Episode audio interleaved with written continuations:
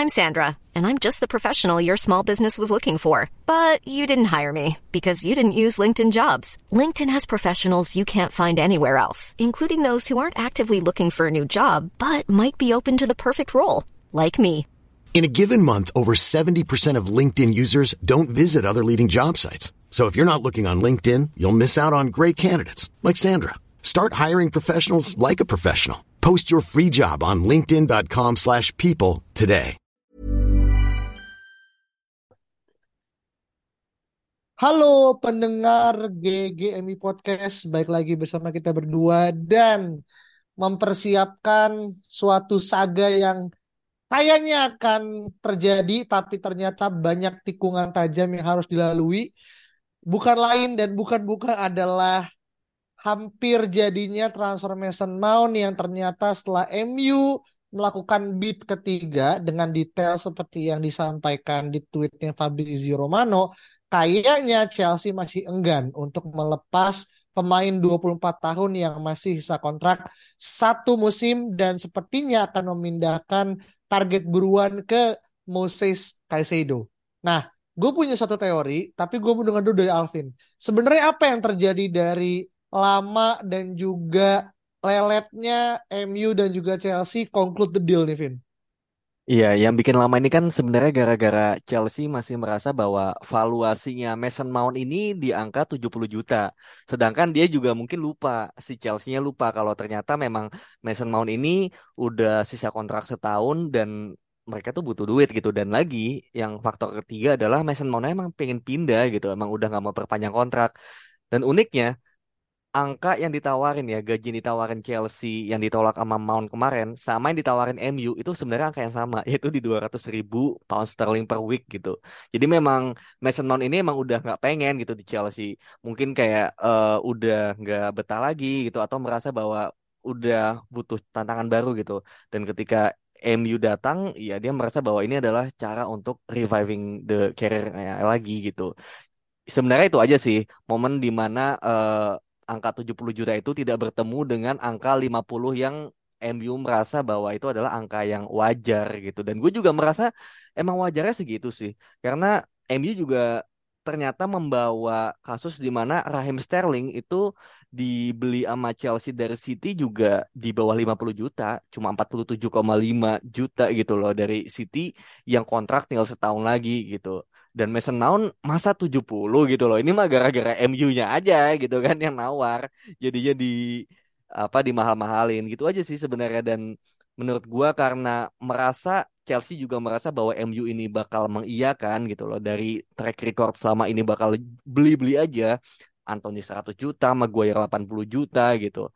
Kemudian di situlah Chelsea merasa bahwa mereka masih punya bargaining position untuk bisa maksa MU at least di angka 65 kan. Kemarin katanya 58 plus 7 gitu. Dan dan jujur gue kecewa ya kayak anjir 50 plus 5 ini udah banyak loh gitu. Jadi harusnya sih diterima. Cuma kita tunggu aja gitu. Kalau nanti Mason Mount benar-benar memberikan sebuah tekanan ya kepada pihak Chelsea menurut gue mungkin bisa diterima. Karena MU nggak ada uh, intensi lagi untuk memper apa ya untuk menaikkan lagi angkanya dari 50 plus 5 ke angka yang lebih tinggi lagi gitu. Malah kabarnya akan beralih ke targetnya Chelsea yaitu Moses Caicedo gitu. Oke, nah ini kita simpen Moses Caicedo di ini ya di uh, kuarter berikutnya nih. Tapi gue mau lihat dulu dan gue juga ngebaca ini dari ESPN.co yang katanya Chelsea tuh kayaknya ya malu-malu kucing lah gitu kan. Dalam porsi kayak dia tahu nih mau nggak akan panjang kontrak dan cara terbaik untuk bisa quote unquote ya memerah sapi perah dari Mason Mount adalah ya musim ini gitu. Dan Chelsea katanya memberikan counter offer ya semacam kayak negosiasi lah ya. Kalau gimana 58 juta pounds ditambah 7 juta dalam bentuk bonus terkait kinerja. Ini jadi kayak semacam ada inilah ya additional package yang akhirnya mungkin uh, akan didapatkan Chelsea in case kalau Mason Mount berhasil melakukan berbagai macam-macam target, misalkan goals, appearance, assist dan segala macam. Nah lu, lu lihat ini ya mungkin lu gimana akhirnya ngeliat ini? Iya, ya it- itu gitu. Memang ini adalah angka yang memang diinginkan kan. Yang tadinya 70 juta menjadi setidaknya 65 atau 60 gitu. Katanya bisa relax lah ya kasarnya angkanya bisa turun jadi segitu. Cuma tetap aja menurut gua 58 plus 7 means 65 menurut gua ke apa ya masih ketinggian ya untuk pemain yang kontraknya tinggal setahun, kemudian dia juga udah mau pindah dan eh, season terakhir dia kan mainnya jelek gitu loh. Jadi kayak ya meskipun kita juga tahu kemarin tuh mungkin musim anomalinya Mason Mount ya, cuma tetap aja kalau memang terakhirnya dia jelek harusnya ya kita lihat dari musim terakhirnya aja gitu loh. B- bahwa memang angkanya lagi turun gitu. Mungkin kemarinnya angkanya tinggi tapi dengan penampilan dia terakhir ya angkanya udah turun. Itu adalah risiko yang harus diterima oleh Chelsea bahwa Chelsea juga gagal memberikan environment yang tepat bagi Mason Mount untuk bermain bagus dan dampaknya akhirnya ketika mau dijual harganya turun gitu ya. Itu udah konsekuensi menurut gue dari Chelsea yang kemarin memang carut marut gitu. Jadi Gue sih tetap nggak mau ya. Gue setuju dengan sikap MU pada saat ini bahwa musim ini adalah musim di mana MU harus memperbaiki citra mereka di bursa transfer, yaitu nggak akan bayar eh, semau apa yang diinginkan oleh tim eh, yang punya pemain itu gitu. Dan kita harus punya apa ya negosiator yang bagus gitu. Dan sekarang dengan MU katanya bukan mundur ya, tapi nggak akan memberikan tawaran selanjutnya, itu udah bagus gitu. Tinggal yang penting MU punya backup plan gitu loh. Plan B-nya siapa. Dan ketika memang itu dilakukan ya menurut gua itu hal bagus ya. Apalagi yang kita tahu ya pemain yang kadang-kadang ya kalau kita bicara dari musim lalu plan B-nya malah lebih bagus gitu loh daripada plan A-nya ya kan. Jadinya Hmm. gua merasa bahwa ya kita lihat aja gitu nih Chelsea sampai sejauh mana kita bisa hold gitu kan sampai tengah waktu tertentu maybe eh, seminggu gitu kan sampai minggu depan kalau misal Chelsea emang nggak ada intensi untuk mau menurunkan atau menerima ya menurut gua harus all out dengan plan B-nya sih Hmm. Karena karena satu sisi Mason Mount ya kita tunggu aja sampai musim depan udah free transfer kan gitu aja Hmm. Dan sebenarnya kalau misalkan dihitungan setahun ya, dan kalau nggak salah kontraknya itu habis Juni ya, 2024 kan. Jadi sebenarnya Januari tuh dia udah bisa untuk melakukan negosiasi kan. Sama kayak dulu Pogba ya. Pas dia kontraknya habis kan juga udah mulai enam bulan sebelum masa dia selesai, dia udah quote unquote pre-agreement dengan eh, Chelsea, eh dengan dengan MU gitu kan. Jadi ini adalah sebenarnya eh, bolanya di MU ya. Dan terkait dengan Chelsea menurut gue sih semakin lama dia menunggu maka semakin turun harganya sih menurut gue sih Vin. Itu yang akhirnya gue takutin, eh buat gue takutin saya Chelsea takutin harusnya gitu. Karena ini juga merujuk pada bagaimana akhirnya MU kan mengalihkan pada Moses Caicedo gitu. Dan sebelum kita nge-record kan gue pernah gue bilang itu kan kalau ini tuh jangan-jangan mirip kayak saganya Casemiro dan juga ada yang Rabiot. Di mana akhirnya Rabiot santer banget kan dikabarkan bahkan banyak jurnalis Italia yang akhirnya udah quote unquote membuat semacam kayak press kalau Juve akan melego uh, Rabiot ke MU dengan harga berapa gue lupa ya. Uh, tapi nggak begitu mahal lah ya gitu kan. Eh, tahunya ternyata gitu kan datang malah Casemiro gitu. Nah, ini apakah punya semacam kayak archetype yang sama, Vin? Ketika melihat konteksnya Caicedo dan juga Mason Mount yang hampir mirip dengan Casemiro juga Rabiot, Vin. Iya, ada kemiripan tapi memang nggak sama banget ya gitu. Karena memang Rabiot dan juga Casemiro ini kan kalau Casemiro karena eh, lu udah nggak punya pilihan lain gitu. Ketika pada akhirnya MU waktu itu mainnya jeblok banget, kalah lawan Brighton, kalah lawan Brentford gitu. Nah, dan waktu itu Casemiro memang situasinya lagi apa ya nggak nggak dijual niatnya kan gitu. Dan memang jadinya nggak ada pesaing. Cuma kalau misalnya Caicedo sekarang, menurut gue ini agak sulit gitu karena Caicedo juga lagi diincar sama Chelsea gitu. Yang mana Chelsea ini adalah tim yang lagi kita nego untuk Mason Mount gitu.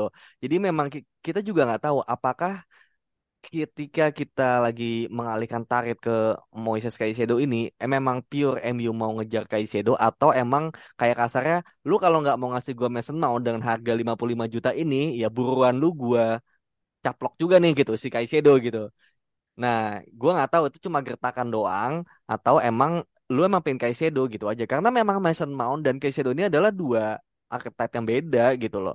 Mason Mount kan lebih ke depan, lebih kepada em, versatile player di final third gitu. Jadi kayak menurut gua mirip-mirip Donny van de Beek, eh, cuma lebih fisikal dan lebih udah paham sama situasi di Liga Inggris dan Mason juga lebih versatile untuk posisi di sayap gitu. Tapi kalau Caicedo dia lebih kepada defensive minded, dia di belakang, dia bisa jadi di playing playmaker, bisa jadi box to box, bisa jadi single six juga gitu, single pivot gitu. Jadi memang dua tipikal pemain yang berbeda gitu. Inilah yang mungkin apa ya, bukan kekurangan ya, tapi bagaimana handicapnya Ten Hag di MU itu besar banget mau bikin backbone aja sesulit ini gitu loh. Kayak mau beli Mason Mount gagal, kemudian beralih ke pemain lain tapi archetype-nya beda gitu. Jadi bakal menerapkan gaya permainan yang berbeda juga gitu loh. Tergantung siapa yang didapat gitu. Itu kan sebenarnya harusnya nggak kayak gitu. Cuma memang karena situasi takeover dan juga finansial yang memang melanda, menurut gua mau nggak mau harus selalu menyesuaikan gitu. Dan kalau dibilang sama kayak Rabiot sih ya, ya tadi memang ada miripnya dan gua berharap banget ya memang kita nggak lagi mengejar Mason Mount man gitu. Gue masih berharap ya Donny van de Beek pemain yang mirip itu bisa lebih bagus nantinya dan kemudian kita lebih fokus bagaimana kita bisa build up dengan baik gitu yaitu di Moises Caicedo yang mana kalau Caicedo itu lebih uh, versatile di belakang gitu. Dia bisa tadi menjadi pemain di sebelah Casemiro, tapi ketika Casemiro lagi absen atau lagi butuh diistirahatkan, Caicedo juga bisa bermain di posisi Casemiro. Dan kalaupun kita memainin Caicedo di bek kanan, itu bisa juga. Dia bisa invert gitu. Uh, kan kita semua nonton ya di Brighton lawan Arsenal. Dia dari bek kanan, dia invert ke tengah di sebelahnya Pascal Gross gitu. Jadi membentuk back three, kemudian Caicedo masuk ke tengah. Itu juga bisa gitu.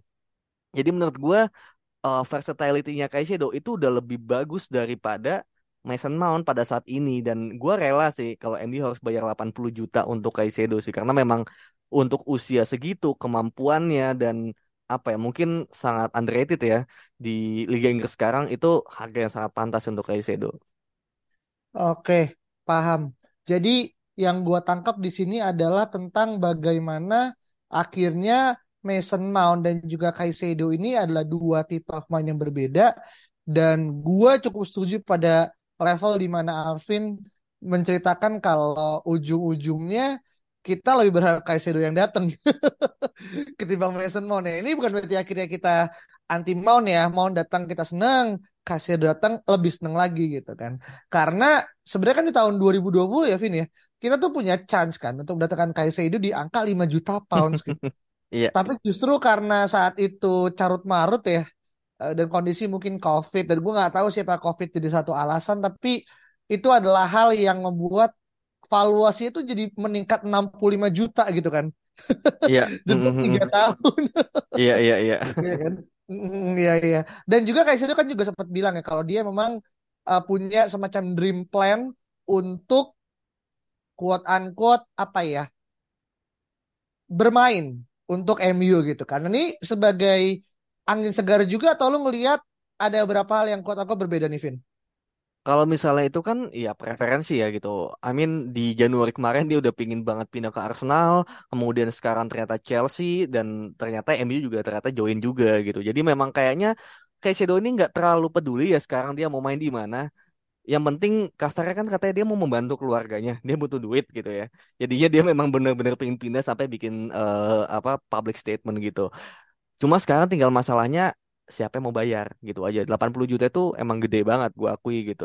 Apalagi untuk Kaisedo yang mungkin ya sebenarnya pasarnya harganya nggak segitu. Menurut gue Kaisedo masih di angka 50 ya pasarnya gitu. Cuma memang karena dia baru perpanjang kontrak ya di tahun ini apa tahun lalu gitu. Jadinya ya valuasinya tinggi banget. Ditambah memang itu adalah pemain yang sangat-sangat berharga bagi Brighton gitu. Jadi menurut gua ketika 80 juta ya pada akhirnya ya ini konsekuensi juga ya bagi MU yang kemarin 5 juta dilewatkan beli aja gitu kan. Ya menurut gua masih masih inilah masih mungkin lah kita kita masih bisa jual pemain kok gitu. Ini juga satu hal yang gua juga sebel ya gitu kayak jual pemain kok lama banget ini.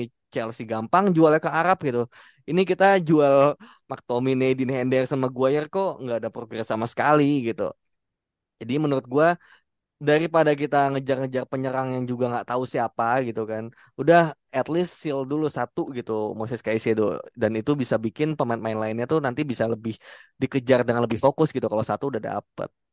Hmm I see. Oke okay. jadi emang uh, ini adalah hal yang dilematis karena kita belum mengeluarkan satu nama pun ya untuk kita offload keluar.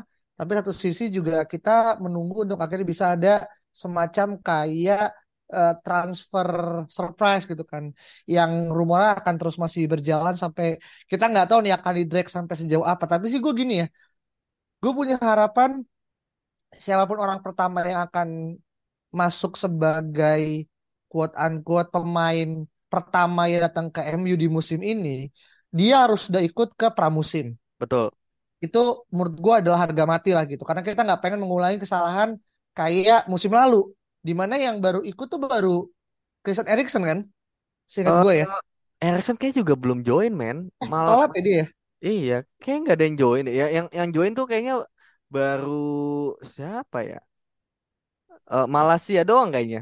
Malaysia ya Iya. oh iya Malaysia benar benar benar dia dia main di Thailand ya kalau salah deh gue nonton segala macam dan itu kan sebenarnya gini kita nggak ngomong Malaysia itu adalah pembelian yang eh, kurang oke ya tapi maksud gue kayak untuk akhirnya MU sekarang yang udah punya evaluasi dari musim lalu harusnya sih pemain-pemain minimal dua deh gitu. Karena kan kita kan berangkat Juli ya. Seingat gue tuh kita berangkat tanggal 3, if I'm not mistaken ya. Eh, jadi masih ada sisa kurang lebih satu minggu. Iya kan MU tuh kan turnya ada dua batch kan Eh, yang Ya, di awal awal Juli kalau nggak salah itu buat pemain yang nggak main di eh, apa internasional tapi kalau main di internasional itu nanti dia di week 2 apa week 3 gitu nyusul gitu nyusul. Eh, jadi Ya, kemungkinan pemain baru ini mungkin masih bisa masuk di eh, batch yang kedua gitu cuma kan ya kalau bisa dari batch satu kenapa enggak gitu aja Nah, benar. Tapi emang ini agak sedikit melebar ya. Kemarin tuh dan kita sempat belum bahas nih masalah eh, dijualnya atau dilegonya Zidane Iqbal ya ke tim eh Feyenoord eh Fe- sorry Utrecht ya. Kalau nggak salah iya iya Utrecht iya ya. Utrecht iya Ya betul kan dengan harga satu juta pounds. Gue tuh sama iya nge- ngejual James Garner di angka 15 tuh adalah smart smart move ya.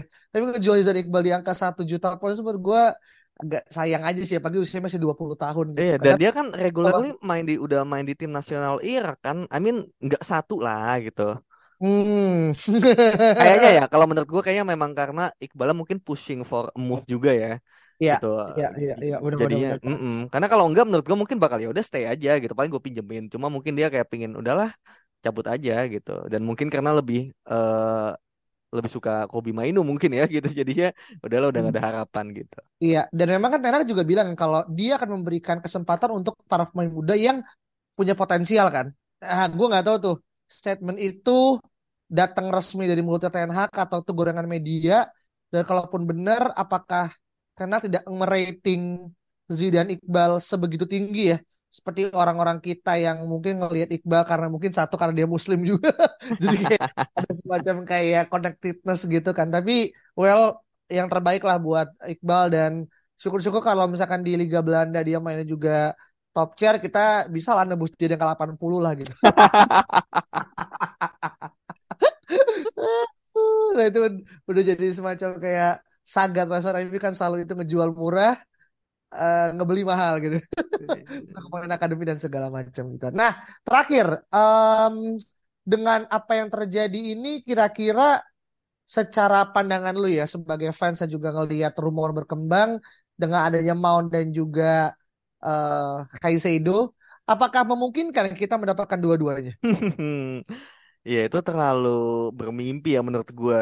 Apalagi ya kita dapat satu dulu aja gitu tuh mungkin bisa meningkatkan kepercayaan diri fans ya untuk pada akhirnya ini kita bisa bisa kompetitif lagi gitu loh. At least di bursa transfer dan nggak mepet-mepet gitu. Jadi menurut gua satu ada udah satu aja udah syukur gitu apalagi dua gitu. Dua menurut gua terlalu bermimpi sih. Kayaknya nggak kayaknya nggak mungkin gitu. Dan gue lebih mikir lebih mungkin dapat Mason Mount sih gitu. Karena Kaisedo tuh mahal banget dan gue nggak yakin MU sepintar itu gitu loh untuk pada akhirnya melakukan sebuah kalkulasi yang cermat ya bagaimana Kaisedo ini memang dihargai layak segitu dan akhirnya mau mengeluarkan uang dan pada akhirnya membuat keputusan yang tepat gitu. Gue nggak yakin pada musim ini tuh semulus itu transfernya gitu. Jadi gue masih lebih yakin Mason Mount yang datang tapi kalau enggak Iya, semoga benar Kaisedo orangnya, pemainnya yang dibeli dan apa ya kayak semoga ini juga bukan cuma menggertak Chelsea aja supaya jual Mason Mount gitu. Gua harap memang pada akhirnya kita benar-benar menggertak yang ya udah beneran gue beli gitu dan ketika dibeli akhirnya ya Chelsea udah lose everything gitu. Udah hilang Kaisedo, hilang Mason Mount musim depan juga gitu loh. Gitu. Jadi menurut gua semoga beneran dan ya entah ya 80 juta mau di splash ke satu pemain atau enggak ya mungkin lu bisa bikin struktur kayak 70 plus 10 gitu kan atau lu tawar dulu aja di angka 70 gitu jadi 60 plus 10 gitu kan. Meskipun gue tau nggak akan segampang itu ya tapi cobalah 60 plus 10 gitu kan. Katanya yang kita baca juga MU ini masih mau melakukan bid ke Caicedo dengan harga yang lebih tinggi karena memang eh, kondisi trans kondisi pemain dan juga eh, usia yang berbeda kan gitu yang bikin MU masih mau keluar duit lebih banyak gitu. Jadi semoga ya itu beneran ya gitu. Hmm, hmm. I see.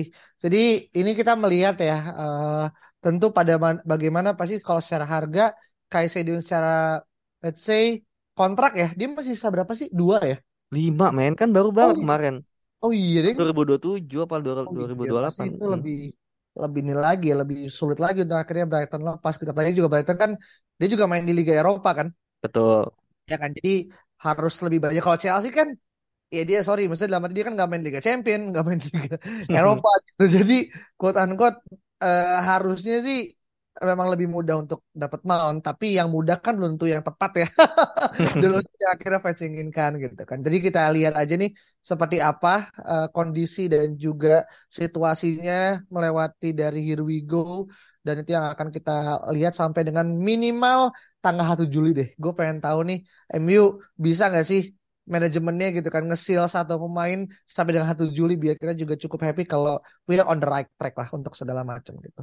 Paling itu aja teman-teman terkait dengan bahasan kita terkait dengan Mount dan juga Kaisedo dan bagaimana dua pemain ini seolah memiliki love hate relationship ya dengan timnya masing-masing juga dengan MU gitu kan. Yang itu nanti perlu kita diskusikan dan melihat bagaimana rumor berkembang. Kita ketemu lagi di episode berikut ya. Bye bye.